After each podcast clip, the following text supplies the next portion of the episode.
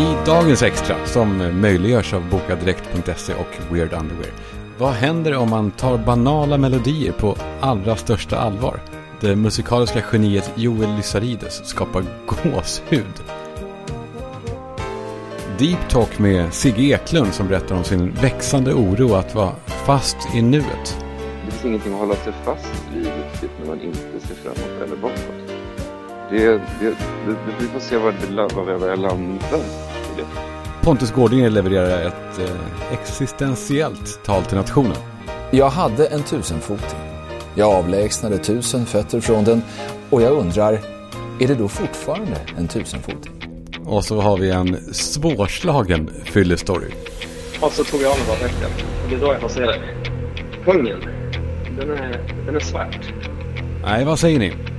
Ja, nu kör vi.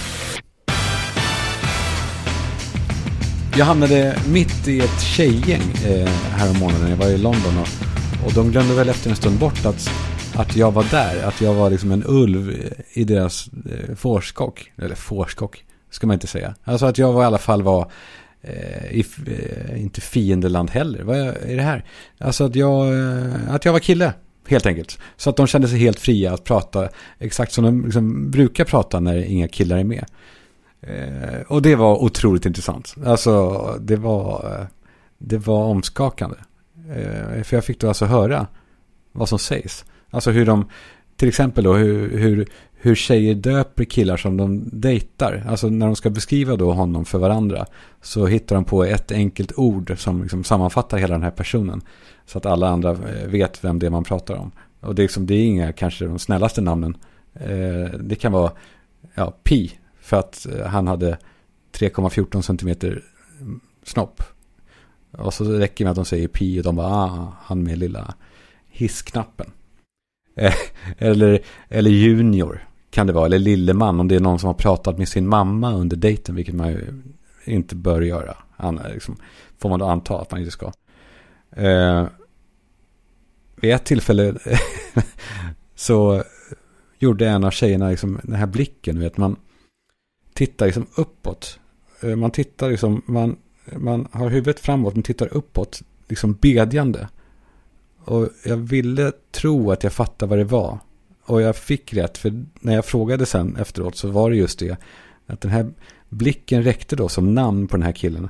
För att det var den blicken som han gav henne när han var där nere. Så att säga. Alltså den här bedjande, titta upp blicken. Som ser liksom så här undergiven vovve där nere på något sätt. Så till och med liksom eh, blickar kan vara, kan vara namn på killar. Det är starkt ju. Och det är ju jävligt intressant med namn. Eh, för förr i tiden så skulle de ju säga liksom varifrån vi kom och, och vems son eller eh, så vi var. Alltså så här, Erik Björnfors, ja han kommer från Björnfors då. Eller Mange Eriksson, ja han var Eriks son. Ofta kunde också yrkestitlar bli liksom våra namn, särskilt kanske i England. Där är smeden, han hette Smith då. Eh, och det är ju fortfarande vanligt. Den här eh, mjölnarjäveln blev Miller. Ja, så att alla skulle fatta vem det var vi pratade om. Ja, för det är ju liksom namnets jobb. Om man sa till namn, så you had one job, det är att man ska fatta vem fan du menar när man säger namnet. Super, superviktigt. Vi hade ju en, en svensk tradition eh, av efternamn som skulle berätta hur vi var som personer. Det här gällde liksom mest eh, soldater på landet. Så då gav man ju alltså namn till folk som inte handlade om var de kom ifrån eller vem de var son till eller hur de såg ut när de eh, gick ner på någon. Eh, utan man gav dem eh, namn som då kvick eller flink eller rask. Ja, ni hörde, det är mest liksom, positiva egenskaper. Det kanske, det kanske är schysst att inte någon fick namnet så här, slö. Ja, sorry om jag är lite väl liksom, eh, faktamässig, men jag tycker det är så jävla intressant. Eh, för att det som var problemet då med alla de här soldatnamnen som Rask och Flink och Hurtig och dem, det var att eh, de var ju tvungna att byta då efternamn för varje generation. Så att sonen till Johan Tapper, han blev av med Tapper och blev istället då Johans son. Så eh, Bertil Johans son. Och sonen eh, till honom fick namnet Bertils son. Bertilsson, ja. Ja, ni fattar. Men sen stannade allting upp någon gång på 1800-talet. Fan vad jag är, det låter, jag låter som en lektor.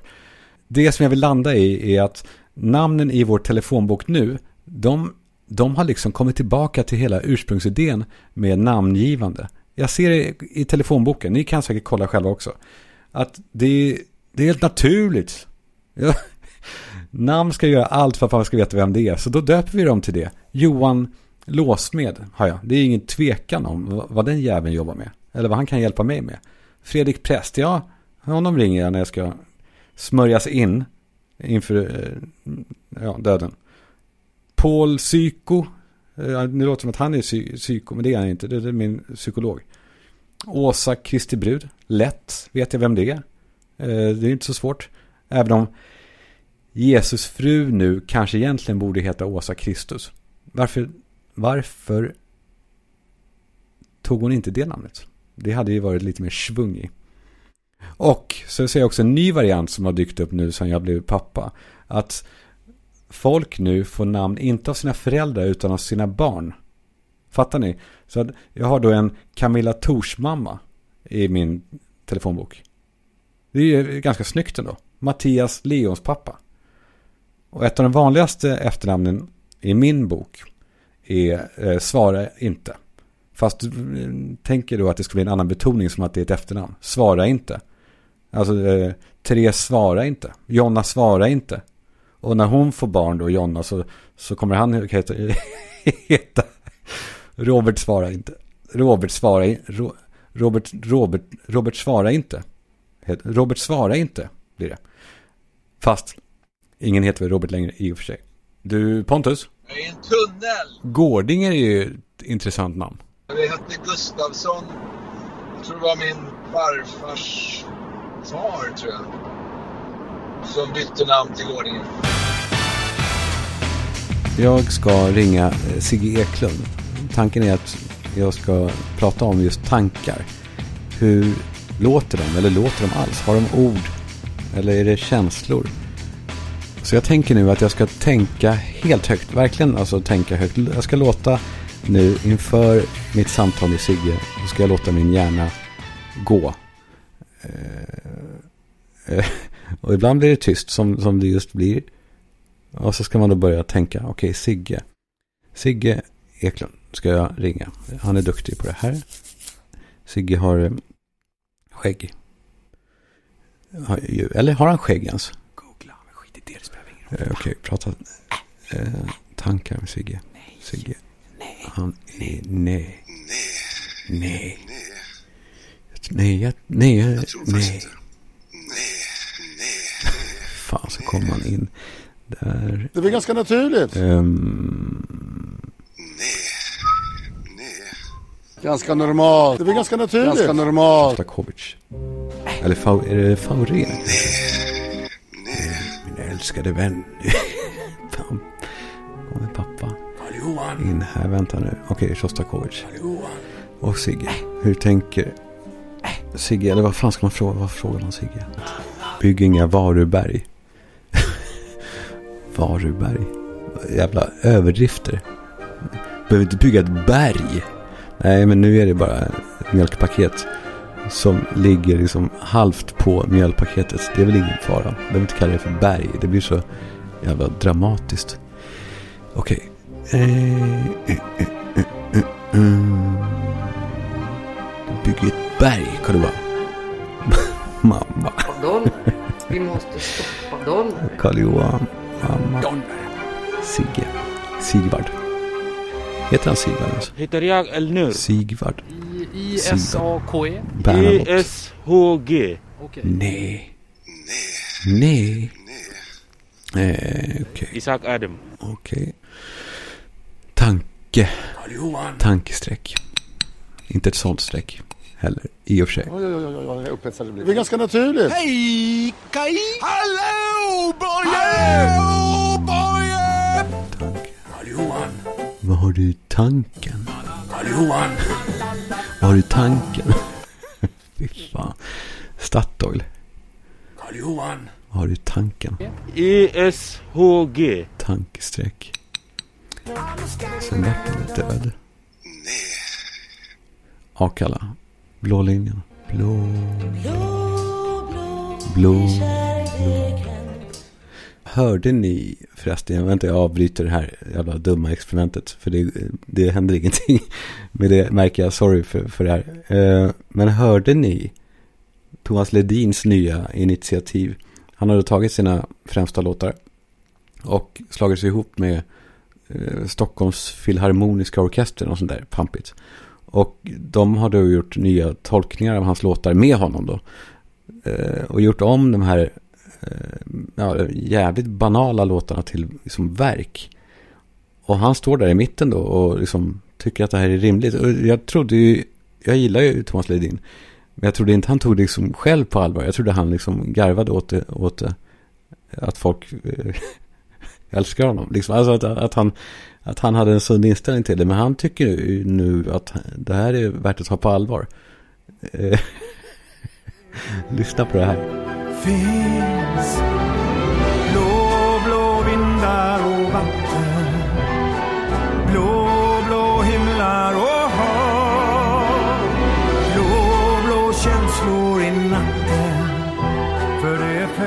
jag vill verkligen säga det. Alltså jag gillar det ju. Men det, det är intressant att han tar det på sånt jäkla allvar. Och att han liksom ändå sätter sig själv främst.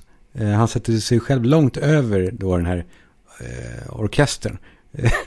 Ehm, det blir ännu tydligare i, i, i det här. Känna blodet som pulserar Känna ljuset tiden som passerar. Känna luften i mina lungor. Känna blodet som pulserar. Känna ljuset i mina ögon. Känna tiden som passerar.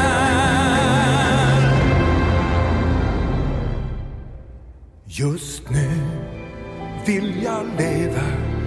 Just nu Ja, ni fattar vad jag är ute efter. Jag tänker att det finns ju så mycket eh, då musik där ute som kan uppfattas kanske som lite banal. Men som man kanske kan hitta djupet i om man bara har rätt öra på sig och ber rätt person tolka det. Jag tänker att jag ringer upp Joel Lysarides, pianogeniet, det musikaliska snillet som, som tar världen med storm och som uppträder på allt större scener. Eh, han har gehör och kan då kanske hitta djupet även i, i det mest ja, ytliga som finns. Eh, Joel, är du med? Absolut.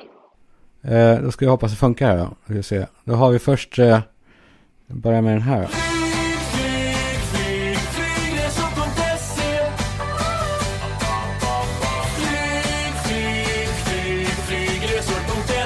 Ja, har, har du den?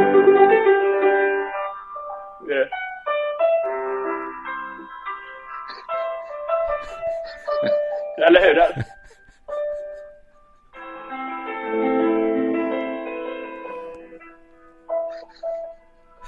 Kanske.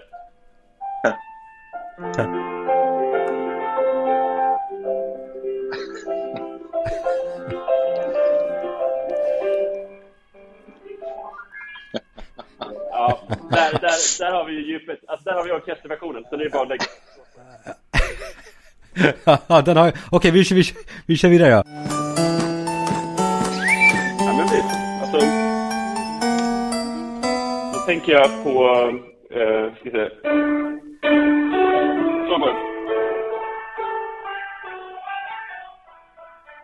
Jag skulle börja med för det första lyfta upp den här melodin. En, den som är här uppe. Ehm, och eh, jag tänker lite liksom... eh, hörde du Thomas Ledins um, Sommaren i kort-versionen där? Ja, jo, jo. Först lite liksom bil och sånt. Eller fan, vi gör så här. Tänk att första temat spelas som liksom täcktyp va? Okej, bra. Vi gör så, vi gör så då. Vi, vi tänker att eh, Björne är riktigt eh, illa ute. Han är, det han är sjuk, jättesjuk. Och ska nu alltså då få Eh, eh, ett pris för lång och trogen tjänst och en Lifetime Achievement Award på SVT. Eh, och bakom flygen sitter då, sitter då du och upp på scenen kommer Björne stapplandes. Då hör vi alltså det här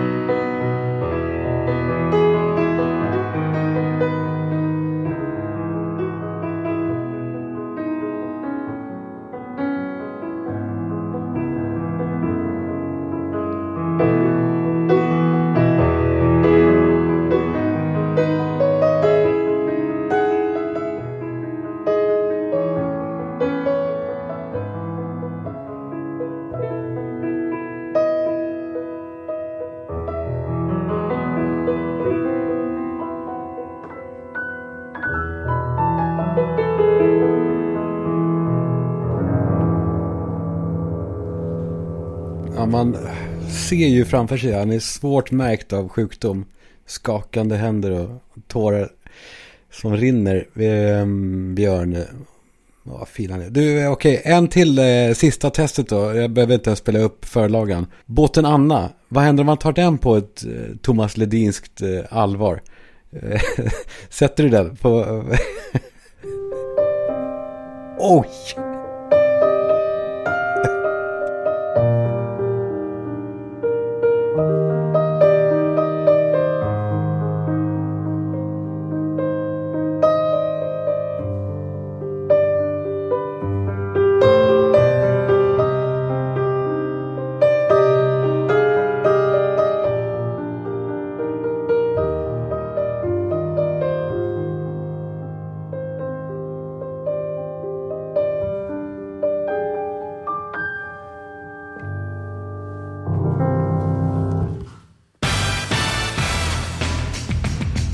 Bokadirekt.se, stolt sponsor av eh, extra podden. Jag ska nu inte säga tack eh, Boka Direkt för att ni gör det här möjligt, vilket ni ju gör. Eh, utan jag ska faktiskt belysa det faktum att ni, ni, ni är kanon. Alltså för kunderna, för svenskarna där ute. Som till exempel har friskvårdsbidrag som riskerar att brinna inne om ni inte gör någonting. Eh, Så gå in på bokadirekt.se, köp ett friskvårdskort. Ni eh, får tillbaka pengarna av, av Chefis och sen får ni eh, eh, ta behandlingar under ett halvår framåt. Så gör det innan det brinner inne. Boka direkt. Tack! Weird.com, de håller på att ladda upp inför Black Week. Och här kommer lite tips. Om man går in på Weird.com redan nu och registrerar sig på deras Blacklist så får man ytterligare 20% rabatt. Så unna er eh, nya underkläder. Var inte en sån som liksom fiskar upp ett par eh, sunkiga kallingar eller, eller liksom gulnade trosor. Utan, utan gör någonting åt det. Var en sån som har fräscha grejer under. För att det är inte bara att det syns någon gång kanske för någon annan. Utan ni känner det själva. Att ni är fräscha. Ni är, ni är det. Ja, om ni har det Will. Tack Will. Ja, vi har mycket kvar i extra. Först av allt, eh, Pontus Gårdinger talar till nationen. Lyssna noga nu. God afton. Jag ser ofta till att vara ute i naturen. Det skapar ett välbehövligt perspektiv på den larmfyllda och krävande tillvaro ett liv i en stor stad kan utgöra. Jag besökte härförleden en sommaräng och satte mig ner för att betrakta djurlivet. Jag såg nyckelpiga och larv, humla och en liten fågel. Men så stötte jag på något intressant. Jag såg en tusenfoting. Jag vägde den i handen, betraktade den och undrade vad jag skulle göra av den. Så började jag plocka benen av den. Omsorgsfullt och metodiskt plockade jag den på ben efter ben. Varje litet ben placerade jag efter varandra i en prydlig rad på marken. Det var lite pilligt om man säger för benen var små och djuret krängde en del i sidled. Men efter några timmar var jag färdig. Tusen små insektsfötter på ena sidan och en liten tub av kött på den andra. Jag studerade detta pulserande rör lite närmare. Djuret var fortfarande vid förhållandevis god hälsa. Den kastade sig fram och tillbaka. Kanske undrade han var hans ben hade tagit vägen. Själv funderade jag på helt andra saker. Jag betraktade denna varelse och sa högt för mig själv. Jag hade en tusenfoting. Jag avlägsnade tusen fötter från den och jag undrar, är det då fortfarande en tusenfoting? Jag kunde inte svara på frågan. Frågan är om det finns ett svar på den. Det här är ju existentialism när den är som allra mest kittlande. Jag ställde en fråga till mig själv en dag ute på en sommaräng. Kanske har Jean-Paul Sartre ställt sig själv exakt samma fråga 800 år tidigare. En svindlande tanke. Sånt skapar den typen av perspektivförskjutning som jag tror att vi alla behöver någon gång i livet. Ut i naturen med er. God afton.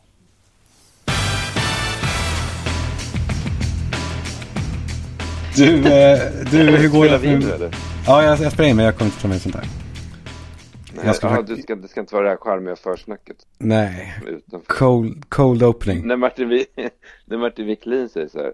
Okej, säg vad du åt till frukost så jag kan kolla ljudet här. Till alla. Ja. Ja. Okej, när vill du börja då? Själva? Ja, men vi, vi- vi, börjar. Eh, Det, det som, för jag kommer ifrån ett parti där jag har pratat om, eh, jag pratade nämligen, förra avsnittet så pratade jag om eh, eh, de olika samtalen som man har, både det man har eh, liksom, hemma med den man lever med, där man vågar, vara, liksom, vågar testa grejer och vågar skämta och, och tramsa. Och sen hur mycket det skiljer sig ofta åt till de här yttre samtalen. Ju, ju längre ut man kommer desto... Nu säger du man, alltså det är ju det är inte alla som gör det tror jag. Jag tror att vissa är, när de är med grabbgänget till exempel, eller tjejgänget så testar de. Men när de är hemma så är de inte riktigt i, i, i det tillståndet. Det har du kanske rätt i i och för sig. Om, om man ska försvåra det. Det har du faktiskt det har du nog rätt i. Men, men fast du vågar väl säga hemma hos dig precis vad du känner eller, eller så. Mm, ja. Eller spelar vi in eller? Jag, jag känner mig helt förvirrad. Det här spelar in hela tiden. Men, jag men, vill eh, inte slarva bort några bra sägningar. Vi- är i avsnittet. Nej, okej. Bra, men du, okej. När de lyssnar, då, då, jag kommer inte säga så mycket innan dess. Sigge, de lyssnar Inte nu. vaska några... jag, skojar. De lyssnar. Skojar. De, allihop. Jo, men så det som jag eh, kom fram till är att, att det finns en liten fara när de olika samtalen skiljer sig åt och man till och med byter åsikt kanske, eh, beroende på vem som lyssnar. Och, och det fick mig att tänka vidare på det här, eh, hur mycket det skiljer sig mellan det, liksom, de inre samtalen man har eh, och hur de skiljer sig även till de som man är mest intim med. Mm. Och så då har jag kommit till, Om man bara zoomar ut en sekund så har en- det fantastiska det, det som är bra med att bli äldre är väl att det blir mindre och mindre skillnad på, på de olika eh, samtalen, eller? och du menar att man blir mer och mer ofiltrerad, man, att man, det är bara skit ändå. När man blir mer och mer en person, alltså om man ska förenkla, men det var ju otroligt jobbigt när man var 22 och det- man hade olika åsikter i olika rum. Ja, men det är precis det, exakt det som jag är ute efter. Och, men de här, och de här inre rösterna eller samtalen som man har. Hur, alltså du menar att de blir färre? Alltså att det blir mer och mer en, en röst av det? Nej men det blir, det, det- det är ju två olika saker. Om vi bara börjar med att prata om, inte det inre utan, utan samtalen man har med olika personer man känner. Så var det ju otroligt splittrat när man var yngre. Eller hur? Alltså, jag kommer ihåg när jag var i USA som utbytesstudent ett år. När jag var liksom, jag var 17, 18.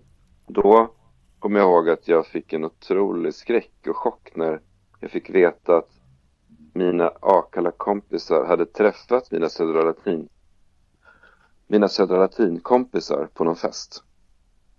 Alltså att jag fick en skräck i hela kroppen. Ja, att eh, världarna blandades.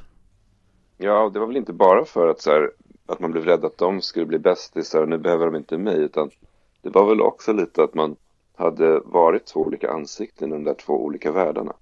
Alltså en känsla av att bli avslöjad, lite grann. Medan nu så, nu är det inte riktigt så. Nu är man ju mer och mer sig lik, eller, eller håller inte du med om det? Eller känner du att du spelar olika roller i olika rum? Ja, men jag, spelar, jag, jag känner nog att jag anpassar mig otroligt mycket. Alltså, jag, jag intervjuade en pro-Putin ryss i, i förra veckan och hörde på mig själv hur jag var tvungen att anstränga mig för att inte bli lismande och inställsam. För att man vill att det ska vara trevligt och man vill att det ska vara ja, olja i maskinen.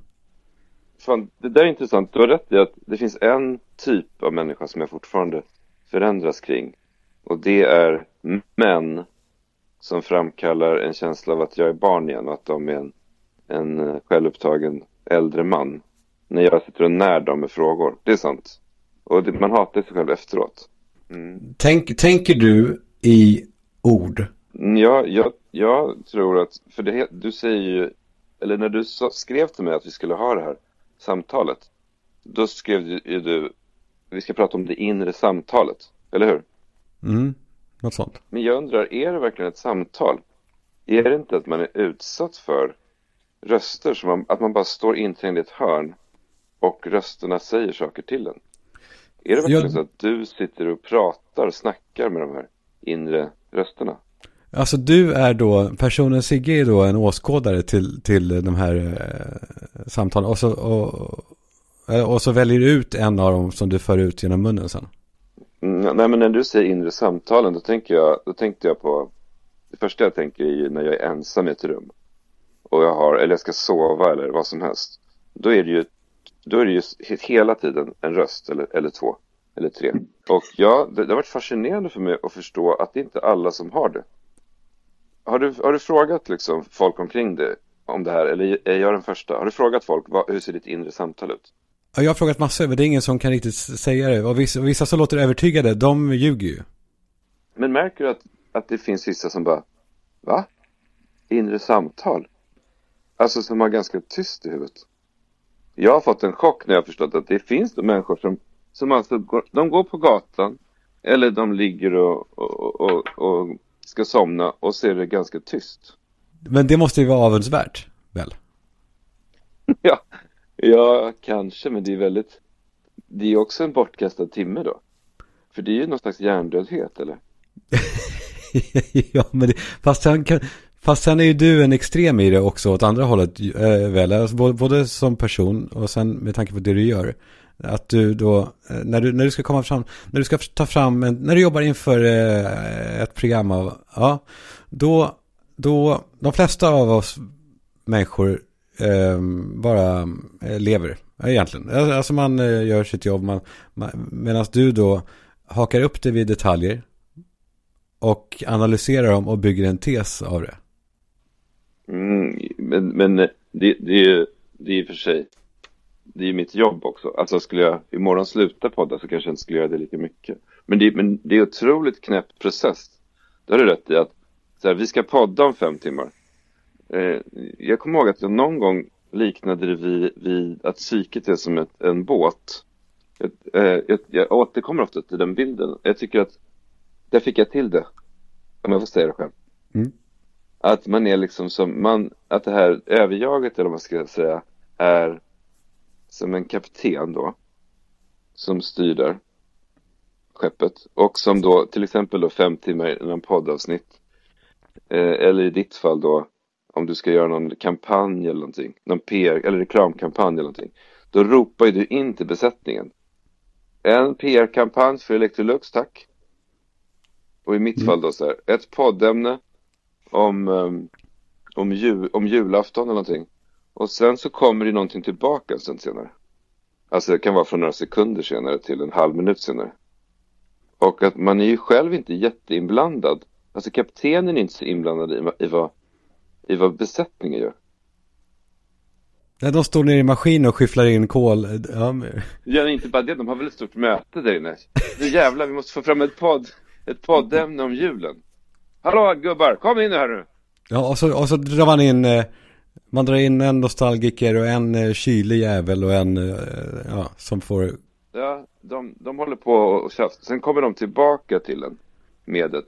Och det enda man kan göra, det enda man själv kan göra är ju att då, som kapten, är ju att liksom i förebyggande syfte så kan man ju till exempel säga så här, ni måste bli bättre på det här grabbar. Ni måste bli mer disciplinerade, eller ni måste liksom försöka ge dem, ge dem bättre mat och bättre liksom, madrasser så de sover. Alltså, man försöker ju då, som kapten så försöker man ju få det här gänget att vara så bra som möjligt. Men man är, man är egentligen inte inblandad i det som händer där inne. Det är ju otroligt knäppt. Alltså när jag och Alex står på scen då, vi är nu på turné. Och så ibland händer någonting. Alltså, du vet, någon reser sig för att kissa. Då skickar jag ju in så här, säg något fyndigt nu så att den där personen, så att alla skrattar. Förstår du? Att man säger en rolig replik om att någon reser för att kissa. Eh, då, är, då kommer det till, ibland tillbaka någonting ganska dåligt där. Jaha, hoppsan. Kissnödig. ja, det är så här. Och då, inte, då så tänker alla så här, han är inte så bra. Men jag är bara kapten, det är gubbarna där inne som är dåliga. Alltså jag, jag har inte gjort något, man framstår som en som en usel person fast man egentligen har man inte gjort något fel. Man har ju bara, det är de där inne som är. Du är då eh, hjärnans och eh, Esa-Pekka Salonen. Mm, dirigenten eller vad man ska säga. Ja. Om, då, om de, violinisten slarvar, det, det är inte riktigt mitt fel. Det jag däremot kan göra är att säga så här, okej okay, det har varit mycket slarv sista tiden. Vi måste, vi måste öva på det här, vi måste, vi måste snacka om det här. Eh, vi måste förbereda oss bättre. Men du som kapten, hör du vad de eh, käbblar om då innan det kommer, kommer ut någonting? Det gör du? Det här, det här jag, jag vet inte varför, nej, det här jag undrar, varför har ingen, jag, liksom, jag, har aldrig, jag har aldrig läst någonting som utreder, det, eller det kanske finns, bara det att det kanske är, är, är skrivet i så, i så psykologiska eller vetenskapliga eller komplicerade termer att jag inte förstått det, men det är ju otroligt intressant att det finns en sån klyfta mellan det som händer där inne och den här stackars kaptenen. Att man inte har någon som helst insyn i, i vad som händer där inne. Jag, jag, jag, bara, men bara, bara för att prata om det här med inre röster. Jag, har ju, jag tror att jag är ovanligt, um, jag är ovanligt, jag, jag tittar ovanligt lite framåt. Uh, och ganska ovanligt lite bakåt än, än många andra. Jag vet inte om du hörde senaste poddavsnittet, då pratade jag om det där med att det finns framförallt två röster, tror jag, i en människas psyke när man ligger och ska somna. Och det är ju en som tittar framåt, alltså som är orolig över räkningar eller vad, ska vi åka på den där resan på jullovet Mm. eller? Och han kan också vara förhoppningsfull i och för sig. Ja, den behöver inte vara negativ. Nej. Men, men det finns i alla fall en röst som tittar framåt och pratar och babblar i ens öra om framtiden. Och sen finns det en röst som pratar om det förflutna. Så här. Alltså då menar jag också för det som hände för tre timmar sedan. Du borde inte höjt rösten till din son. Alltså, eller du borde inte... Vem var du egentligen när du var liten? Allt, de två, alltså om man ska förenkla så tror jag att det finns två sådana röster. Och eh, mitt problem är att jag är jag är ju inte så, jag, jag har svårt att greppa framtiden. Jag vet inte hur du är, men, men alltså om min fru till exempel säger så här, nu måste vi planera sommaren. Då vill inte jag prata om det förrän kanske i maj. Jag blir stressad av att prata om framtiden. Och när du ligger i sängen då och ska sova så då, då är han en frånvarande. Så man var liten när folk sa så här, snackat om att du måste vara närvarande i nuet, eller hur? Det är ju det vackraste som finns. Det får man ju höra. Mm, det är väldigt värderande att man ska att det är fint att vara det. Ja, men jag kan då berätta, som, som av någon anledning är rädd för framtiden eller ogillar att planera. Alltså jag, jag till och med svårt så här, vad ska vi göra i helgen? Då säger jag så, men det kan vi väl prata om på torsdag kväll. Jag blir stressad av, hur är du där? Blir du också stressad av att folk hela tiden vill planera hela, hela tiden? Ja, jag kan inte, jag tycker till och med vad man ska äta ikväll kan bli stressande. Ja, alltså det kan man väl ta sen. Och jag, jag förstår att det är ingenting, ingen, det finns inget rätt eller fel här. Ja, fast ofta så blir det ju sämre då när man är sent ute, det måste man ju säga. Nej, men ta till, ett klassiskt exempel är så här. Vi har planerat i ett halvår, eller min familj, för de gillar att planera, har planerat att vi ska åka till Chicago på Thanksgiving eller någonting. Ja, så när man sitter där på, i Chicago, det första som de gör är att börja planera för att på julen ska vi åka till New York. Alltså det är nästan, det är som, jag har förstått att de tycker att det är festligt. När de mår som bäst, alltså när man kommer fram till hotellet i Chicago, då ska man den middagen ägna sig åt att planera New York. Så jag har förstått att det är alltså det roligaste de vet, att planera, vad ska bo på hotell och så vidare. Och jag vet att när vi då kommer till New York, då vill de planera sommarresan till Gotland, eller sommaren på Gotland. Alltså att planera är kul för dem. Men det jag skulle komma till var att när jag då, nej, eftersom den rösten, eftersom jag inte har den rösten så mycket i mitt huvud och eftersom jag inte längre är nostalgisk, jag tänker inte så mycket tillbaka heller, så har jag börjat vara närvarande i nuet. Och det var det här jag skulle komma till, att det är inte alls så kul som de snackar om. Förstår du vad jag menar? Ja. Alltså det, det är en otrolig tröst att planera och det är en otrolig tröst att titta tillbaka. Det fyller ens huvud med massor av innehåll hela tiden. Eftersom jag då inte har de där två rösterna längre så är det jävligt, alltså det är, inte, det är faktiskt ganska mycket existentiell ångest att vara närvarande i nuet. För att det är mycket mer abstrakt. Jag var, alltså igår, nej förrgår på när vi stod på scen i Örebro, i Västerås, nej i Örebro. Ja, det är så mycket städer. det är så många stora städer. Vad var det nu då? Eller var det San Francisco? Nej, just det. Var nog, eh, Förlåt. ja, Fortsätt. Ja. Göteborg. Hur som helst, då så, när jag stod på scenen så, så kände jag eh, plötsligt di- dis, disassociation, eller vad heter det? Att jag inte, alltså jag visste inte vad den här föreställningen var på väg eller vad, vad som skulle hända härnäst. Du vet, alltså det som är att vara, att vara blank helt enkelt. Det, det är otroligt läskigt ju. Det är läskigt även i vardagen om man kan känna att man liksom, vänta, varför går jag på Sturegatan? Mm. Händer, det, händer det dig? Ja, nej, men jag, men jag, men jag, jag får en, jag får en iskyla eh, längs anus när du säger det. Alltså, att få det på scen måste vara fruktansvärt. Jag vet, det, och det är ju också så, det är så, det är så korkat för att om, om man sa till, om man vände sig mot publiken och sa så här, jag har fått blankt i huvudet. då skulle inte de bli arga för det. De skulle kanske garva till och med. Men det är så kaptenen vänder sig fram och ropar in till. Det är blankt nu. Och de, och de svarar inte. Nej, de sitter och fikar. Ja, eller har gått och lagt sig eller någonting. Eller hoppat, lämnat skeppet.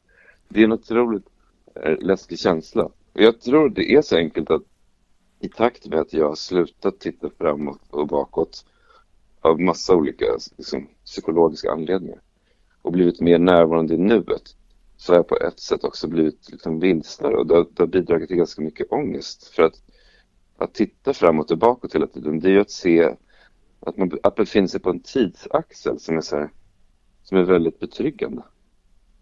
Jag undrar var det här ska sluta någonstans. Ja, så du menar att det, det håller på att förskjuts hela tiden, den här, den här processen? Nej men, det, alltså, det, man borde egentligen skriva en självhjälpsbok som är så här, eh, akta dig för nuet, eller? För alla de här självhjälpsböckerna, de utgår ifrån att vara närvarande i nuet. Jag vet, samtidigt som man heller inte vill bli någon som bara eh, tittar bakåt kan ju vara sorgligt. Men det låter ju som att du också är en person som inte gillar att titta framåt. Ja, absolut. Jag, jag, kan inte, jag kan inte se, folk säger vad gör de om fem år? Och det är så här, jag vet inte. Men det inte, handlar inte, inte ens om att inte veta, utan att jag kan inte föreställa mig ens att existera om fem år. Nej, jag, jag kan inte ens föreställa mig att existera på fredag. Riktigt. Och jag, ja, nu, nu, nu när man har hamnat här så har jag börjat. Jag är helt enkelt, jag befinner mig i en baksmälla, eller vad ska jag säga, i att, eller en ny situation där jag måste hitta ett nytt sätt och, eh, för det finns, ing, jag vill ha, det finns ingenting att hålla sig fast vid riktigt när man inte ser framåt eller bakåt. Det, det, det vi får se vad, det, vad jag landar i det. Men är du, är du rädd för, är du, är du rädd för någonting?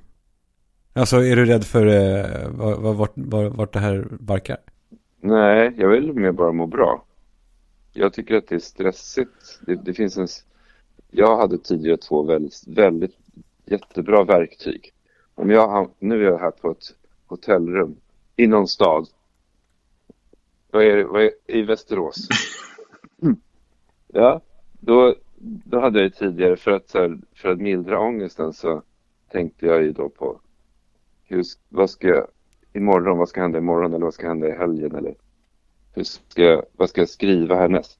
Eller så tänkte jag på, liksom, gick igenom mina bilder och tänkte på det förflutna. Om man inte har de två utan bara är i det här rummet, då är ju det, det är en ny situation för mig. Men till exempel just nu då, innan, innan jag ringde eh, och du sitter där på eh, hotellrummet. Vad, vad pågår i din hjärna då? då? Jo, då, då, för jag har en hög med tidningar här. Då tänkte jag så här. Alltså tidigare så har jag ju då tänkt, jag läser alla de här tidningarna så kanske jag kommer på ett ämne till nästa podcastavsnitt. Men nu när det har börjat ta emot så mycket, att ta emot så mycket och börja och planera nästa poddavsnitt. Det, när jag liksom har blivit mer och mer rädd för det, för planerande i stort så då är det ju en, en, det blir en förvirrande tomhet i nu låter det så dramatiskt, eh, men, men du förstår lite vad jag är inne på. Det är lite av ett nytt, lite av ett nytt tillstånd i hjärnan i alla fall.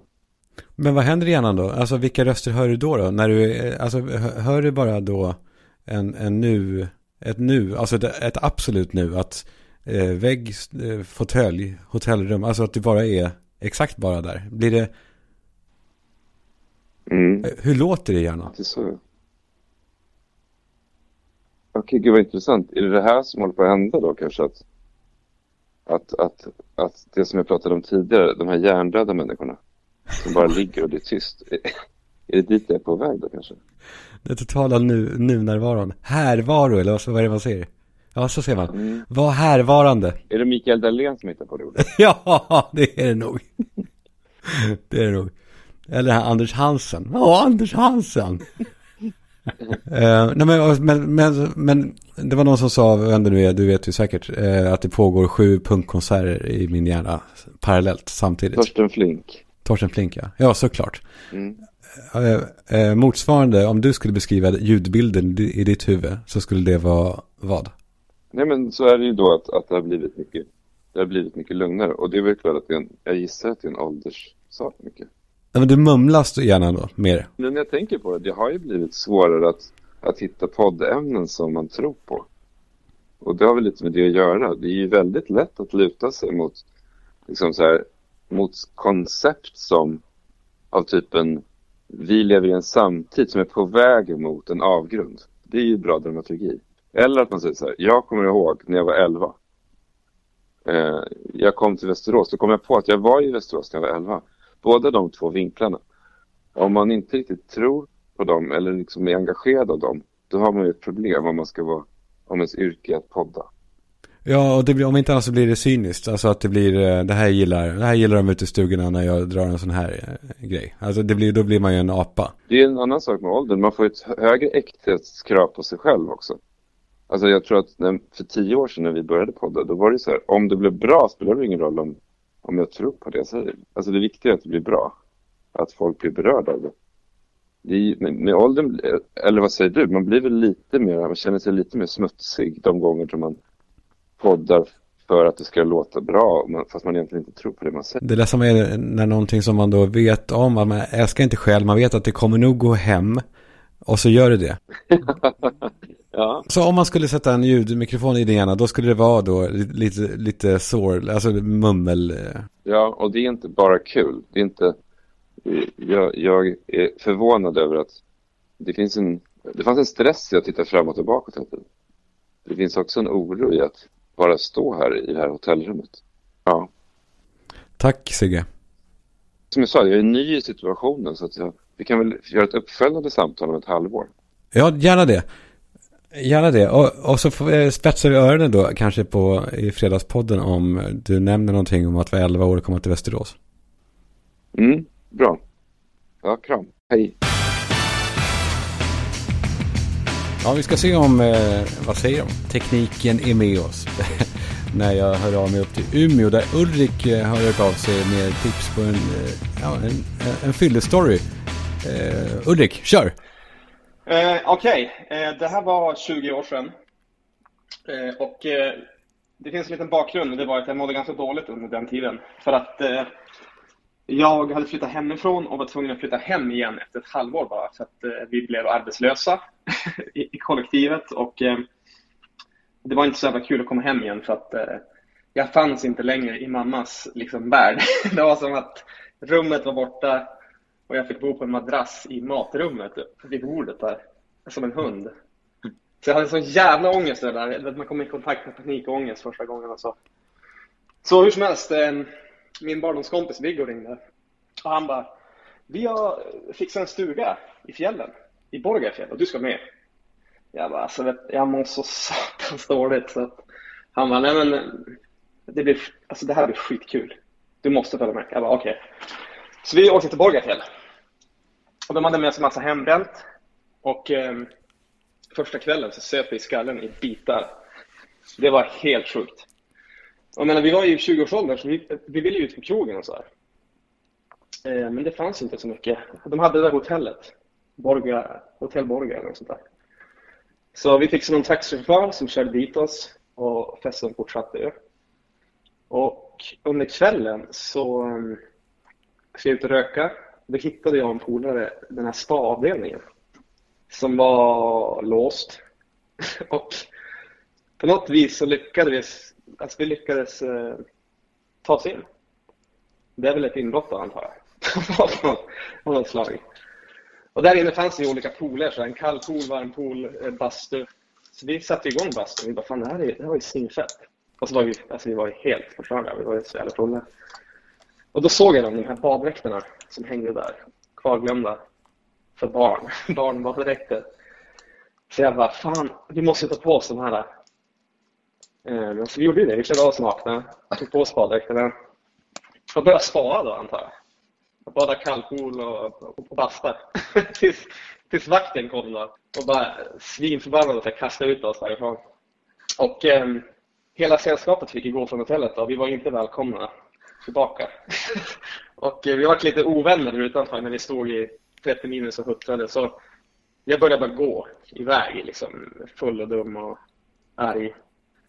Sen var vi ute och vandrade typ en timme tills jag blev upphämtad av en annan kompis i bil och blev tillbaka körd till stugan där vi bodde.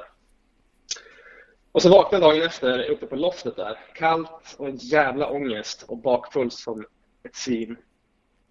Och alla bara, alltså, kom och basta nu. Det fanns en bastu på den våningen. Så jag bara, ja. Och så gick in i duschrummet där och började klä av mig. Och där var den nu, baddräkten. Och jag bara, vad fan, jag hade glömt bort det. Jag bara, vad fan är det här? Så alla såg ju likräva, de bara, men kommer du inte ihåg någonting? Jag bara, men alltså, de berättade ju allting om det här, liksom vad som hade hänt. Och jag mådde alltså, så himla att jag var fan också, vilket- så jävligt lamt. Um, ehm, och så tog jag av mig baddräkten och det är då jag får Pungen, den är, den är svart. Alltså då dog jag. Alltså det var, alltså den Men vänta nu, vänta nu. Eh, Pungen är svart. Ja. Den är svart. Vad vänta, vänta, då... Ja, ja säg förlåt. Och jag bara, så, ehm, så jag vände mig till han som jag tyckte hade mest brains i sällskapet. Jag bara, vad fan tror du har hänt? Han bara, ja alltså det, det ser inte så bra ut det här. Och um, så vi stod och så här, och funderade ett tag. Um, och så tänkte vi att, tänk om, alltså kyla, eh, tight och våt baddräkt mot pung ger en reaktion så att Alltså den har färgat av sig, för baddräkten var svart. Så vi gick in i köket och tog en sån här tvättsvamp. Disksvamp, sån här skumgummi, den här gula. Och så tappade vi upp ett bad i vasken. Och så doppade vi pungen där och så försiktigt strök med den här tvättsvampen för att se om det skulle Men färg. hjälptes alla åt med det här eh, projektet liksom? Ja, jag och han med mest brains. så, så. Men det försvann ingen färg. Eh, så jag ringde 1177. Jag berättade vad som hade hänt, kanske inte i detalj, men att den var, att den var svart och jag badat i ett pool och så. Men då frågade man om det är ont, men eh, jag hade inte det. Och då sa han att med största sannolikhet så försvinner det med tiden. Men det var ju för jävligt, för det var första kvällen på den här resan. Och jag hade sån jävla ångest över det där. Jag var kvar med svart pung och bara, det fanns bara hembränt. Och sen hem till mamma med svart pung. Ja, eller jag visade den till styvfarsan kommer jag i badrummet. Han bara upp, sluta upp! Men nu är allting bra, du, eh, den funkar och, och... Ja, alltså faktiskt. Jag, alltså, jag har varit jävligt orolig under de här 20 åren. För att hon sa det, eh, sjuksköterskan jag pratade med, hon bara, men det kommer ju märka resten av livet säkert att den blir, att den förändrar färg när det är kallt. Och det gör den ju, den blir ju grådassig och lite vitsig. Så jag, jag har varit så här, jag har varit jävligt nervös över det där, och speciellt nu, för jag, alltså jag och min fru, vi har inga barn. Och vi började prata om det där för ett tag sedan, att fan nu kör vi, liksom nu. Nu blir det åka av. och då, då, jag, jag var så jävla nervig. Ehm, men lyckligtvis, alltså hon är gravid nu. Så att eh, vi väntar vårt första barn och jag, och jag känner att jag kan andas ut och så här bara, fan. Borgafjäll kan dra till helvete. Det här är en jävla solskenshistoria, underbart att höra. och det var, det, men det är en filmscen det här. Det här ska in i en, eh, en, en film. Det måste det. jag lovar, den dagen jag gör en film då ska den in. Tack Ulrik. Ha det så bra. Ja, där har vi det. Veckans eh, extra viker in hovarna och tackar för sig. Jag är så, jag är verkligen glad att vi blir fler och fler. Och jag blir ännu gladare när jag hör att ni berättar om extra för varandra. Och eh, så den här podden kan, kan växa och vara en, eh, en egen liten ja, weird ö här ute i poddhavet. Hörni, ta hand om er där ute. Var ni än är.